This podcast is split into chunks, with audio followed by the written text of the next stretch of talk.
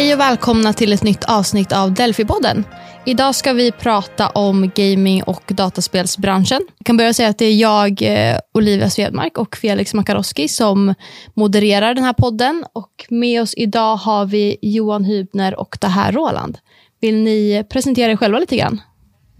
Ja, eh, jag heter Daher Roland och är partner i vår TechIP-grupp och eh, jobbar också med eh, vår gaming och e-sportsgrupp på Delphi tillsammans med bland annat min kollega Johan. Och Johan Hybner heter jag. Jag har varit med i den här podden flera gånger förut eftersom jag gör väldigt mycket olika saker.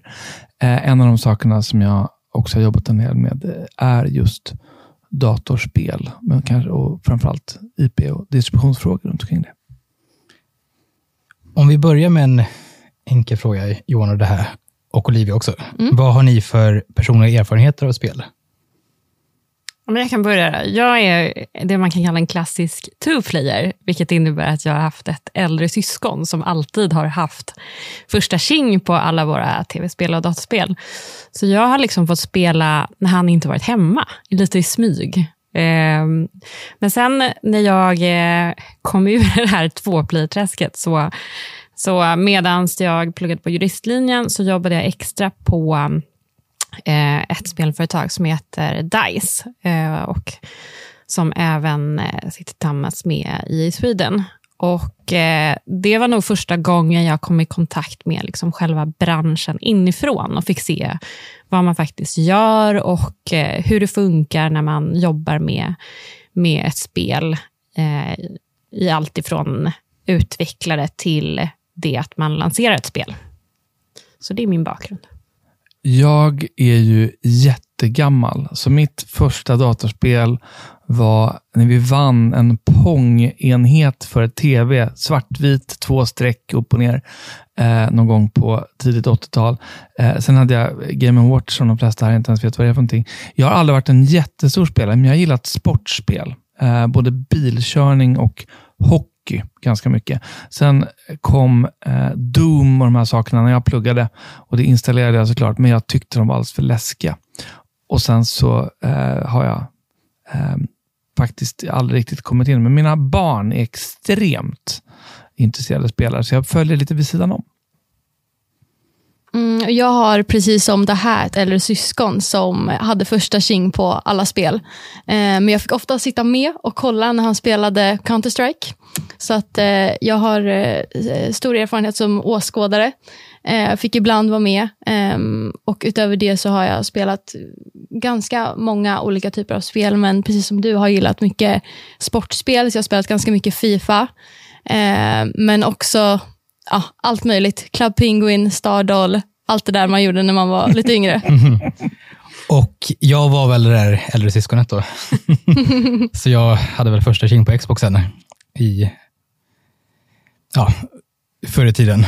Um, och jag började med att spela lite Halo och har spelat ganska mycket med kompisar när, vi, när det var mycket co-op-spel som man spelade två på samma skärm, eller fyra. Uh, vilket tyvärr försvinner mer och mer.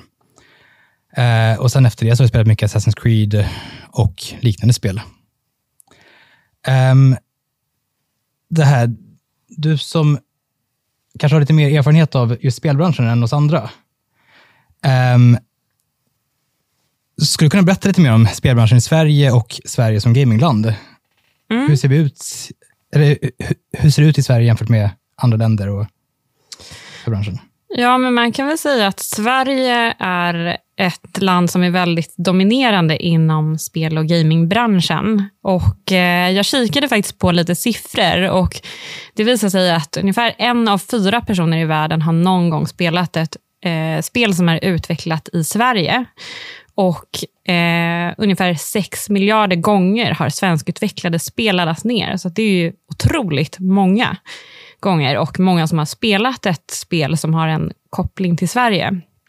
Och eh, under 90-talet så, så bildades ungefär 15 av de stora aktörerna som finns idag. Men bara de senaste fem åren så har utvecklingen gått väldigt eh, snabbt och starkt. Och idag har vi strax under 800 aktiva data och tv-spels företag och de har tillsammans ungefär 40 miljarder kronor i omsättning.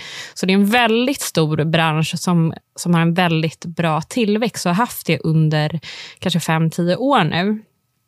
Eh, och, och I tillägg till det så kan man också fundera på ja, men hur bra går det affärsmässigt för bolagen. Ja, men på börsen kan vi se att runt 20 bolag är noterade.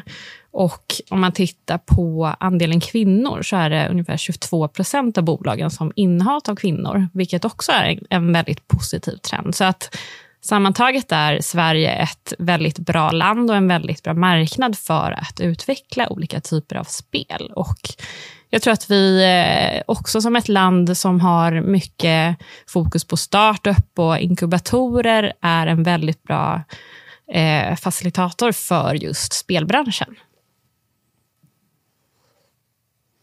Ja, verkligen. Eh, tack för det. Gud, vilken koll du har.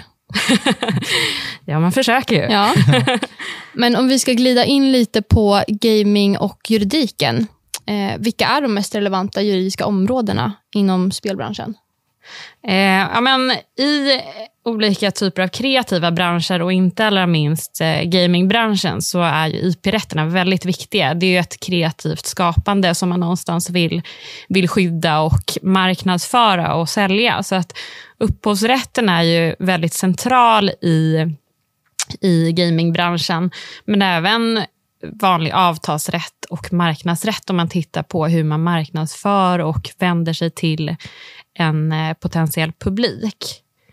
Eh, sen finns det också det som kanske är mer gemensamt för alla typer av bolag och kanske framförallt aktiebolag eh, i branschen. Så det är ju vanlig liksom, bolagsrätt och, och eh, ja, arbetsrätt och framförallt kanske också vissa frågor kopplade till konsulter och eh, anställda i och med att gamingbranschen är ofta baserad på olika projekt, eh, eller att man driver olika projekt och att man ofta tar in många konsulter för att hantera de här projekten. Mm, just det. Och vad, vad gör vi på, på Delphi kan vi berätta om, eller ja, som är inom ramen för spel och juridik som vi pratade om nu?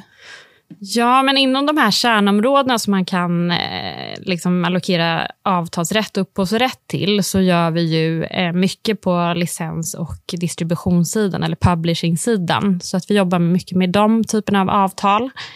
Eh, vi tittar också på frågor kring upphovsrätt och immateriella rätt, andra immateriella rättigheter. Eh, marknadsföring av spel och hur man kommunicerar med användare eh, genom sociala medier. Men det vi har gjort ganska mycket de senaste åren är också olika typer av investeringar och förvärv. Både om man tittar på, på svenska bolag så är de ju föremål för både investeringar eh, från externa eh, länder och även eh, så investerar de ju och förvärvar bolag själva. Ofta är det så att man förvärvar kanske en mindre studio eller en utvecklare som man ser en väldigt stark potential i. Om vi hoppar in på, på ett av de här områdena som vi, vi jobbar specifikt med. Um, när man köper och säljer spel, vad är det rent juridiskt som man köper och säljer? Det är en intressant fråga. Um, jag brukar jämföra uh, spel ganska mycket med nästan som filmverk. Det är gigantiska rättighetspaket som innehåller jättemycket olika typer av rättigheter. Men ytterst sett så är det ju ett datorprogram. Typiskt sett. Det är ett datorprogram och ett datorprogram skyddas ju enligt upphovsrättslagen, så det är ett mm. upphovsrättsligt skyddat verk. Men i ett spel så förekommer ju enorma mängder av andra typer av immaterialrätter också till exempel? Alltså, vi, vi, vi, alltså ett man drar gränsen vad ett datorprogram är. Ett är ju koden som får programmet att fungera. Exempelvis är ju inte grafiska åskådningar, grafiska gränssnitt och den typen av saker är ju typiskt sett inte ett datorprogram. Men ett, alla vet ju att ett spel i ganska hög utsträckning bygger på eh, grafiken och hur det funkar och hur det grafiska gränssnittet ser ut. Hur, hur spel, eh, jag ska inte komma in på spelmotorn än riktigt, men, men hur det åskådliggörs på skärmen. Och Det här är ju mer av ett bildkonstverk än det är ett, ett, ett datorprogram. Fortfarande skyddat genom upphovsrätten. Men sen så vet ju alla som spelar ganska mycket spel att det förekommer ju eh, en hel del in-game eh, så här, properties eller assets som mycket mm. väl kan vara varumärkesrättsliga samarbeten med externa parter. Eh, det kan vara Coca-Cola eller det kan vara olika typer av eh, kläder, eh, artister eh, och så vidare. Och sen på toppen av alltihop har vi ju musiken. Ehm, som också naturligtvis skyddas enligt upphovsrätten, men heller inte skyddas som ett datorprogram. Vad är det viktigaste att tänka på när man ska skydda det här eh, upphovsrättspaketet?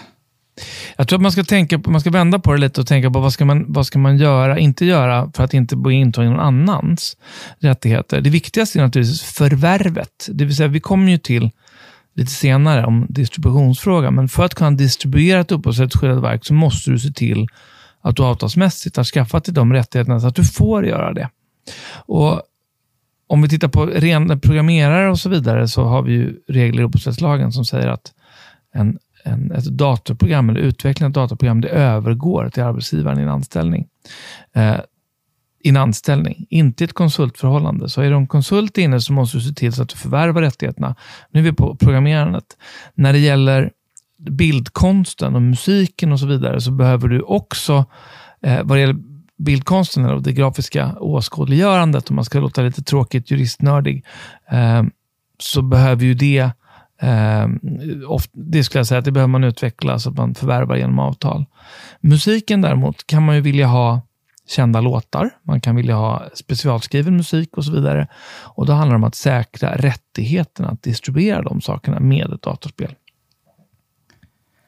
Vad brukar vara de svåraste förhandlingarna i de här sammanhangen? Vad brukar man förhandla mest om? Och...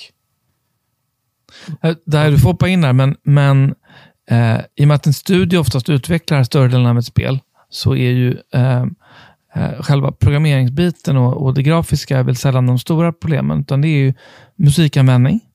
Eh, för eftersom eh, användning av musik i, i etermedia, där finns det ju eh, olika typer av licenser som är enkla att köpa. Här måste man se till att man skaffar sig rätten att använda det. Men dessutom, om du bygger ditt spel på en tv-serie eller en film eller något annat typ av verk som finns innan, vilket ju också är väldigt vanligt. Eller för den delen alla sportspel som vi pratade om tidigare. Då behöver du skaffa dig rättigheter från rättighetshavarna till dem eh, intellectual property-tillgångarna eller immaterialrättsliga tillgångarna för att kunna göra det. Så att jag skulle säga att det svåra är externt material, mm. externa rättigheter och externa, det, det som man vill. Som man dessutom kan man ofta eh, också eh, göra att man kan få framgång med sitt spel. Eftersom du då lerar, du drar ju lite nytta av någon annans rättigheter. Jag håller med. Och just när det gäller och om man får en licens till eh, till exempel en film eller eh, ett annat verk som är väldigt etablerat, då har man ju oftast en press på sig avtalsmässigt att man ska lansera någonting inom en viss tid. Så att eh, där finns ju också lite motstående intressen från licensgivaren eller rättighetshavaren att man vill sätta press på, på studion att få fram någonting hyfsat fort. Medan man som studio kanske vill ha lite längre tid på sig och att det är en kreativ process eller att man behöver anställa eller hitta tillräckligt med konsulter. Så att där, där finns det också en lite ja, men, eh, förhandlingsfråga i hur lång tid ska, ska man ha till exempel exklusivitet för att kunna få använda rättigheterna till ett visst spel. Och Vi kan också lägga till att eh, det är ingen hemlighet att, att uh, DICE, alltså i, i Sverige, gjort en del Star Wars-spel. Uh, det är ju en, en, uh, vad ska man säga, en, en ganska känd och väldigt väl exploaterad immateriell tillgång det kommer ju också saker som förhandsgranskning och, och involvering från de filmstudion eller tv-studierna i hur spelet uttrycks. Vad blir konsekvenserna om man inte införskaffar rättigheterna? Jag skulle säga att då har man lagt ner en massa tid i onödan. För att du kommer, om det är någon typ av rättighet med någon, någon typ av eh, koll och pengar för att försvara saker så kommer ditt spel inte kunna distribueras eh, på två sätt. Ett, så kommer du inte få ut en distributionskanal. För där krävs det att du garanterar att du har alla rättigheter att kunna göra det. Eh, och två, så kommer du bli stoppad rent rättsligt. Så någon kommer att hindra dig från att? Ja, hindra dig från att distribuera det.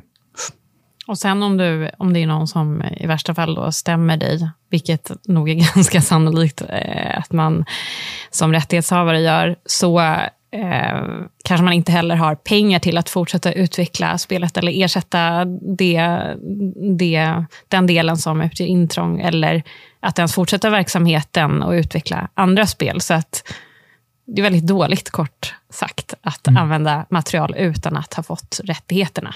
Men lyckligtvis kan man säga att våra erfarenheter av att jobba med, med spelbolag är att man är väldigt väl medveten om det här. Och dessutom har man eh, ganska ofta väldigt väl utablerade, bra inhouse juristavdelningar och, eh, och dessutom eh, bra relationer med dem. Alltså, man börjar inte igång, eh, igångsättningen av utvecklingen av ett spel om du inte har säkrat de rättigheter du behöver. Sen är det lite speciellt med vissa typer av spel där man, där man adderar exempelvis musik i efterhand. Um, det är ju en vanlig, det är på samma sätt som när man licensierar musik för en reklamfilm. Um, det är en kommersiell fråga helt enkelt. Vad innebär det här i förhållande till konsumenterna? Får de eh, använda spelet hur som helst? Får de modifiera spelet till exempel, eller får de dela det med andra? Nej, inom ramen för den upphovsrättsliga ensamrätten så ligger ju egentligen bara Alltså, du köper ett spel, det kallas för köpa spel, men det gör du inte. Du skaffar dig en licens till att spela spelet.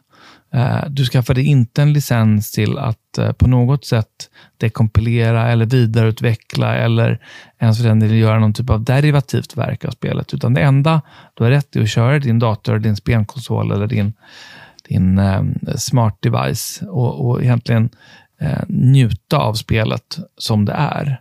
Men inga andra rättigheter än så. Vad ska man göra ifall spelare då börjar ja, men, dela spelet med kompisar som, och inte köpa spelet, alternativt att de börjar modda i spelet? Det är ju en... Det beror lite på vem man är, skulle jag säga. Mm.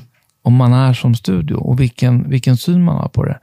Det finns en hel del studios som har sett det som att det, är, det i själva verket hjälper spelet. Eh, att det kommer ut mods till någonting och så vidare och har, har aktivt jobbat med de communities. Jag tittar på exempelvis på Minecraft och Microsoft, eller Mojang innan, men Microsoft nu. Eh, men de lite mer traditionella spelstudierna brukar ju försöka agera genom olika typer av anti-piracy-organisationer för att stoppa den typen av saker. Men piratkopiering av spel är ju, eh, har ju varit en av de verkligt eh, stora frågorna inom antipirat eller piratsidan. Eh, eftersom det har varit, det har varit väldigt lätt och piratkopierat spel. Men det började komma kopieringsskydd på 90-talet. De flesta var ganska löjligt enkla att gå runt. Um, men idag så, och det distribueras ju faktiskt de flesta spel inte ens som fysiska kopior, utan det är någon form av streaming. Och dessutom bygger de på väldigt mycket in-game content, vilket gör att du har betydligt mer bättre koll på vem det faktiskt är du har träffat avtal med som spelstudio. Det var en ganska bra övergång. Um, jag tänkte, vilk, vilka distributionsmodeller används egentligen för spel? Den klassiska distributionsmodellen är ju egentligen att sälja lådor med CD-skivor eller USB-minnen. Den finns ju knappt längre idag um, överhuvudtaget, utan distributionsmodellen är ju um, som slutkonsument så kan du välja att köpa ett spel antingen direkt från spelutvecklaren eller via en en, en aggregatör eller en distributör eller via Steam eller andra typer av sådana plattformar. Så det finns ju massor med sätt att komma åt det. Men om du är en studio ska komma ut med ditt spel i världen så har du egentligen två modeller att välja mellan. Det ena är att distribuera det själv. Att försöka komma ut och då framförallt på plattformarna. Göra distributionsdealar med Sony och Microsoft för att få ut det på de stora konsolerna eh, och sen så i övrigt sett naturligtvis med Steam för PC-världen. Eller att liera dig med en, med en publisher. Och jag vet att det här kan mer om publishers än vad jag kan i spelbranschen. Ja, jag tror vi kommer in på några frågor lite längre fram om det också. Mm. Men ska vi, kan vi berätta lite om vad en publisher är? Kanske? Ja, men eh, det finns ju som sagt väldigt många eh, spelföretag i Sverige och väldigt många av dem är ju just spelutvecklare. Och Det finns ju liksom väldigt stora spelutvecklare, men det finns också väldigt små och jag tror att det är väldigt många små också. Eh, och Ibland så har man inte möjligheten att nå ut till eh, spelarna själv, utan man behöver liksom någon som hjälper en få ut spelet. Och Då vänder man sig till en publisher där man i princip träffar ett avtal om man kan ju jämställa det med ungefär en bokutgivning om man ska gå tillbaka till den fysiska formen av eh, hur man får ut saker. Men eh, då har man i princip en publisher eller ett förlag som, som hjälper en få ut sitt spel. Och eh, Då träffar man som sagt ett avtal där publishern då eh, mot en viss ersättning hjälper en att få ut spelet på marknaden. Eh, och Ofta så är de avtalen ganska standardiserade och eh, ger publishern också vissa efterföljande rättigheter som vi kommer in på lite senare. Vad skulle ni säga är de största för och nackdelarna med de här olika distributionsmodellerna? Jag skulle säga att det beror lite på vad det är för spel också. Det, vi måste ju, det, är ju, det här är en intressant marknad för det finns så otroligt många olika sätt. Mm. Om du utvecklar um, app, ja, vad man kallar det för, smartphone-spel, så finns det ju en etablerad kanal ut via eh, Apples App Store och Google Play och så vidare. Då har du ju stora fördelar med att publicera själv. Ja, eh, för då får du en betydligt, eh, även om Apple och Google tar en del av distributionskostnaden, ehm, eller intäkten ska man säga, så tjänar du helt enkelt mera pengar själv. Men gör du spel som du ska ut med på konsol eller på dator, så i vart fall på konsol så är det ju ganska stora parter på andra sidan som du måste ha avtal med. Um, dels då med Sony och Microsoft, men även med, för att kunna komma ut i, i butiker och sådana saker med, med, med de skivor man ska göra, eller komma in på deras app stores. Um, och Då kan du behöva någon som har betydligt större muskler att kunna marknadsföra det. Du kommer med största sannolikhet tjäna mindre pengar, men förhoppningsvis, om du har tur, så eh, tar gungorna ut karusellerna och du säljer betydligt mycket mera. Det är väl de stora. Alltså, nackdelen är egentligen, de är monetära. Mm. Eh, och sen så, precis som Diane är med på, med en publisher så kan man mycket väl binda upp sig för framtiden också. Ja, just det. Men nu har vi då pratat lite om hur man ska tänka vid distribution av olika typer av spel. Om man då ska prata distribution till, av spel till olika typer av marknader, olika marknader i världen. Finns det något särskilt man ska tänka på då? Ja, men det är ju så att om man eh, ska lansera ett spel i Sverige så, så vet man, eller vi vet i alla fall, vilka typer av eh, regler som man har att förhålla sig till. Eh, både vad det gäller marknadsföring av spelet, men också när det gäller vissa begränsningar i innehållet. Men ska man ut på en annan marknad så är det ju andra regler som kan vara väldigt skilda från vad vi tillämpar i Sverige som gäller. Och Då kan det ju till exempel vara rätten, eller hur man får använda olika symboler i spelet. Eh, det finns ju vissa länder som eh, har begränsningar i vilka flaggor man får använda. Eh, hur mycket våld och annat provocerande innehåll som får finnas i spelet. Eh, och även lite kring hur man vänder sig till barn. Alltså vilket innehåll eh, vänder sig till barn och hur ska det vara utformat? Och eh, hur ska det inte vara utformat egentligen? Och vad, får man, vad ska man tänka extra på när man har spel som vänder sig till barn eller som marknadsförs på en plattform eller en kanal som barn ofta har tillgång till. Så det är mycket eh, frågor att tänka på beroende på vart i världen man ska ut. Men i regel så behöver man ju göra en koll för att se ja, men vilka regler gäller i det här landet som jag ska ut till eller vänder mig till och hur mycket anpassningar jag behöver göra. För det kan ju också vara en, en eh, ekonomisk fråga, hur mycket anpassningar man kan eh, bekosta och hur mycket man vill eh, anpassa ett spel utan att förlora eh, känslan i spelet. Ja, just det. Och hur gör man då? Vänder man sig till en jurist i varje land eller kan man kontakta en jurist i sitt eget land som kan hjälpa till med det här sen? Eh, ja, men oftast det vi brukar göra är att när vi jobbar med svenska eh, Eh, företag eller eh, utländska företag som vill lansera ett spel i Sverige så kan man vända sig till oss så kikar vi på de reglerna som gäller i Sverige. Och Sen jobbar vi med många utländska byråer där vi kan vara liksom spindeln i nätet för klienten och fråga eh, ja, men gäller det här också i Tyskland, eller i Kina eller i Australien? Så att man, man får liksom samma eh, typ av koll i alla länder som är tilltänkta att man ska lansera i. Mm. Mm. Vad är vanliga frågor som brukar dyka upp i förhandlingar i, för olika typer av distributionsmodeller? Eh, ja, men de frågorna som vi ser mest av eh, är ju kanske framförallt royaltyersättningen eh, till distributören. Hur hög den ska vara eller hur låg. Och även efterföljande rättigheter som eh, optioner rörande Eh, uppföljningar eller sequels, som det heter. Eh, för där vill ju oftast den som har tagit liksom, en risk eller som, som ansvarar för att få ut ett spel också eventuellt vara med på nästa spel, om det nu är en framgång.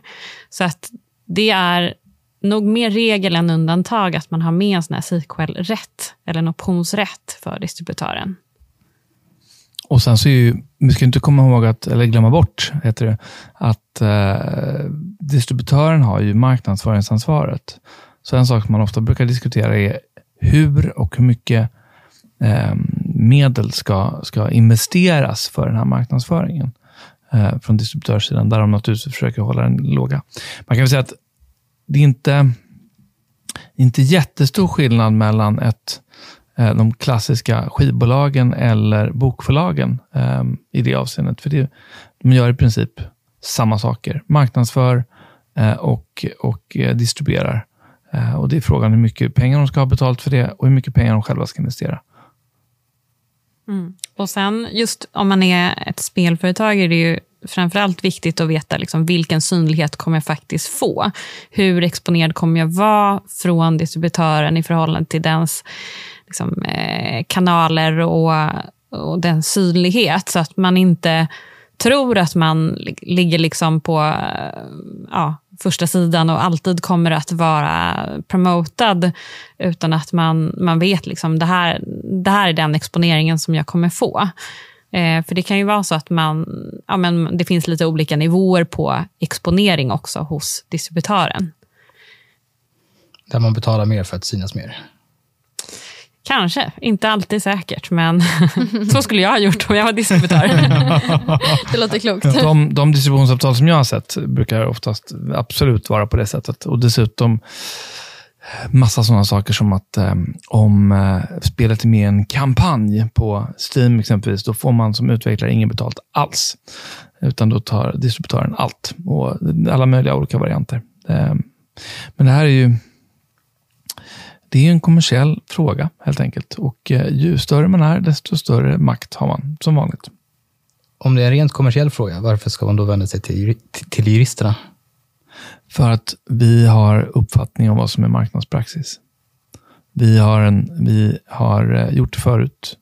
Vi har erfarenhet av det och eh, kan hjälpa och ledsaga genom där. Sen hänger ganska mycket ihop med juridiken också. Och det är, sen ska man inte sticka under stol med att ett internationellt distributionsavtal för ett spel, eller en skiva eller en film, eller vad det är, det är ett ganska ehm, eh, stort dokument. Och tycker man att det är roligt att läsa stora avtal, så då kan man ju göra det själv. Eh, men min erfarenhet är att de flesta inte tycker att det är det de är bäst på. Mm. Det låter väldigt rimligt, tycker mm. jag. Um, spel säljs ju ofta till um, konsumenter. Um, vad finns det för konsumentlagar, eh, framförallt i Sverige, då, som man måste hålla koll på när man säljer spel? Ja, framförallt så fick vi en ny konsumentköplag för ungefär ett år sedan. Och Den tillämpas till skillnad från den tidigare konsumentköplagen på digitalt innehåll. Och eh, som digitalt innehåll så räknas både spel men också det som vi pratade om lite tidigare, in-game purchases och sånt man kan köpa inuti spel, vilket är väldigt stort. Eh, båda de delarna räknas som digitalt innehåll och omfattas därav av konsumentköplagen. Vilka krav ställs på, såna här, på sånt här digitalt innehåll i lagen?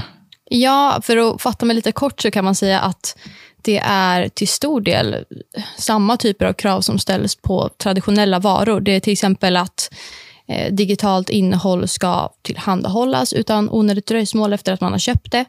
Att det ska stämma överens med vad som har utlovats i form av kvalitet, funktionalitet och kompabilitet. Um, och Det uppställs också krav på att näringsidkaren ska ge viss information till konsumenter om användningen och egenskaperna av det här eh, spelet då, till exempel. Och Man kan säga också att särskilt för eh, digitalt innehåll är skyldighet för näringsidkaren att uppdatera det digitala innehållet. Och Vad händer om man inte uppfyller sina skyldigheter? Eh, ja, ehm, det finns en mängd olika påföljder egentligen som kan inträffa. Eh, dels så kan konsumenten ha rätt att hålla inne betalningen eller framförallt rätt att få felet avhjälpt eller fixat i första hand. Eh, man kan också ha rätt att få ett nytt spel eller ett nytt innehåll till spelet. Eh, och Slutligen kan man också ha rätt till prisavdrag eller rent av att häva det här köpavtalet. Eh, och I vissa särskilda fall kan man också få skadestånd om man har lidit någon skada till följd av att det här digitala innehållet inte har tillgängliggjorts i tid eller varit eh, felaktigt helt enkelt. Vi har ju pratat om NFT i ett tidigare avsnitt, men vi har väl sett viss, en viss tendens till att eh, digitalt innehåll, skins med mera, säljs som NFT-er. Vad är en NFT egentligen och vad är det man köper? Du köper ju en rätt till någonting eh, som också eh, är tekniskt implementerat på någon form av blockkedja. Så det finns ett begränsat antal av den här. Eh, egentligen är det ju ingen i spel, försöker fundera på det, det är ingen gigantisk skillnad mot andra typer av in-game assets. Eh, möjligen med det undantaget att i alla fall utgivaren lovar att det bara finns ett visst antal och att det antalet är ändligt. Vilket då i alla fall teoretiskt sett i många spel skulle kunna innebära att eh, den här tillgången också har ett större värde i spelet. Och det säkerställs då genom, att, genom certifiering på blockkedjan? Precis, genom kryptografiska signaturer. Eh, så att man säkerställer till det det. Sen så, det behöver ju inte vara så att det är någonting i bakgrunden. Och jag har väl sett exempel på NFT som säljs som inte är NFTs, utan bara helt enkelt digitala tillgångar. Men, men jag vet ju för min, min yngste son är en väldigt eh, aktiv Roblox-spelare. Och han har ju visat sig vara, ha talanger för att bli en riktig trader vad det gäller att köpa in-game assets eh, med såna här Robux som är eh, valutan där. Så att han har inte bara försett sig själv med nya prylar som ökar i värde, utan dessutom liksom varit smart och hittat, när de droppar någonting så köper han det fort och sen säljer han det vidare och så vidare. Att, eh, men det går inte att konvertera ut riktiga, vad ska jag säga, jag hävdar ju riktiga pengar. Han ja. hävdar att Robux är riktiga pengar också. Men han är ju 11 och det här är hans värld, det är inte min. Så det är svårt att få ut det här i riktiga pengar sen, om man skulle vilja? Ja. Då kommer ju hela antipenning, alltså penningtvättslagstiftningen in också i det hela. Och jag tror att de flesta speltillverkare kanske inte vill underkasta sig den. Yes. Eh, en annan fråga som, som, kanske kan vara värd att fundera på, som vi inte kommer gå in på i dagens avsnitt, är distansavtalslagen och om det kan finnas en ångerrätt till eh, digitalt innehåll. Eh, och ehm, det, det, som kan vara värt att tänka på är att om ehm, det, det, blir aktuellt så kan det ställas formkrav på uh, avtal man har med, med konsumenterna och även på, vi, på vilken information man ger till konsumenterna i samband med köpet. Um, är det några andra regler som man bör ha koll på i förhållande till spel?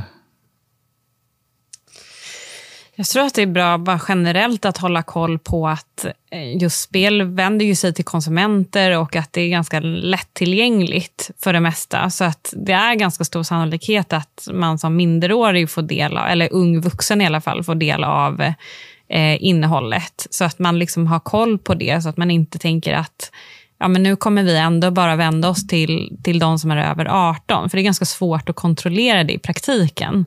Så att man ändå kikar på liksom, hur ser tillgängligheten ut för de som eh, för de som använder spelet eller som ansluter till den här plattformen eller vad det nu kan vara. Mm. Det tycker jag också är en klok synpunkt. Men nu har vi pratat på ganska länge och Ja. har haft jätteintressanta samtal tycker jag. Ehm, vad, om vi ska ta lite avslutande reflektioner och en, en framåtblick, vad tror vi om spelbranschen framöver? Och framförallt spelbranschen i relation till juridiken. Man kan väl konstatera att lagstiftaren är inne i ett skov av extrem reglerings ehm, Iver. vill, iver och villighet. Så att, ehm, och det finns ju lagstiftningsinitiativ även på, på detta område. Eh, utöver då det som vi redan pratat om, konsumentköplagen som, som utvidgades ganska radikalt med digitalt innehåll Ja, verkligen. så kommer ännu mera lagstiftning. Och jag skulle väl tro att vi kommer ha... ehm, just nu bygger ju åldersgränserna ganska mycket på bransch soft law eh, och, och, och självreglering. Eh, jag skulle nog tro att eh, självregleringen är på väg ut genom fönstret och eh, den lagmässiga regleringen är på väg in. Vad det gäller både åldersgränser och skydda unga spelare och sådana saker. Och det, eh, och, och det, det händer ju ganska mycket och det har hänt ganska mycket under de senaste tio åren vad det gäller just in-app purchases. Det är ju länge sedan som, som eh, vad var det? 15 000 kronor spenderas på smurfbär utan att föräldrarna visste om det. Eh, så. Ehm, det är väl vad jag tror framöver. Sen tror jag, och det här är nästan ämnet för en till podd, vi har inte berört e-sport överhuvudtaget. Det tycker jag vi ska göra en podd på. Jag håller med. Jag tror att det liksom regulatoriska landskapet, som man kan säga det, kommer att eh, strama åt gamingbranschen ganska mycket. Eller göra så att det blir mer byråkratiskt och krångligt att släppa spel. Sen tror jag liksom kreativiteten och utvecklingen av spelbranschen kommer fortsatt vara stark och ha en hög tillväxt. tror jag. Det är nog en av de få branscherna som inte har backat under de senaste åren, trots oroligheter både på, på liksom lång sikt och en kortare sikt. Eh, så att det kommer nog bli lite krångligare regleringar kring både innehåll, marknadsföring, men en fortsatt stark bransch. Man kan väl konstatera att människans behov av att bli underhållen har ju inte minskat över åren, senaste åren. Kan man väl säga. Med minsta fysiska ansträngning också. Det också. Ja. Med eh, de orden så tänker jag att vi tackar för oss och säger på återseende i nästa poddavsnitt. Tack så mycket. Tack så mycket. Tack.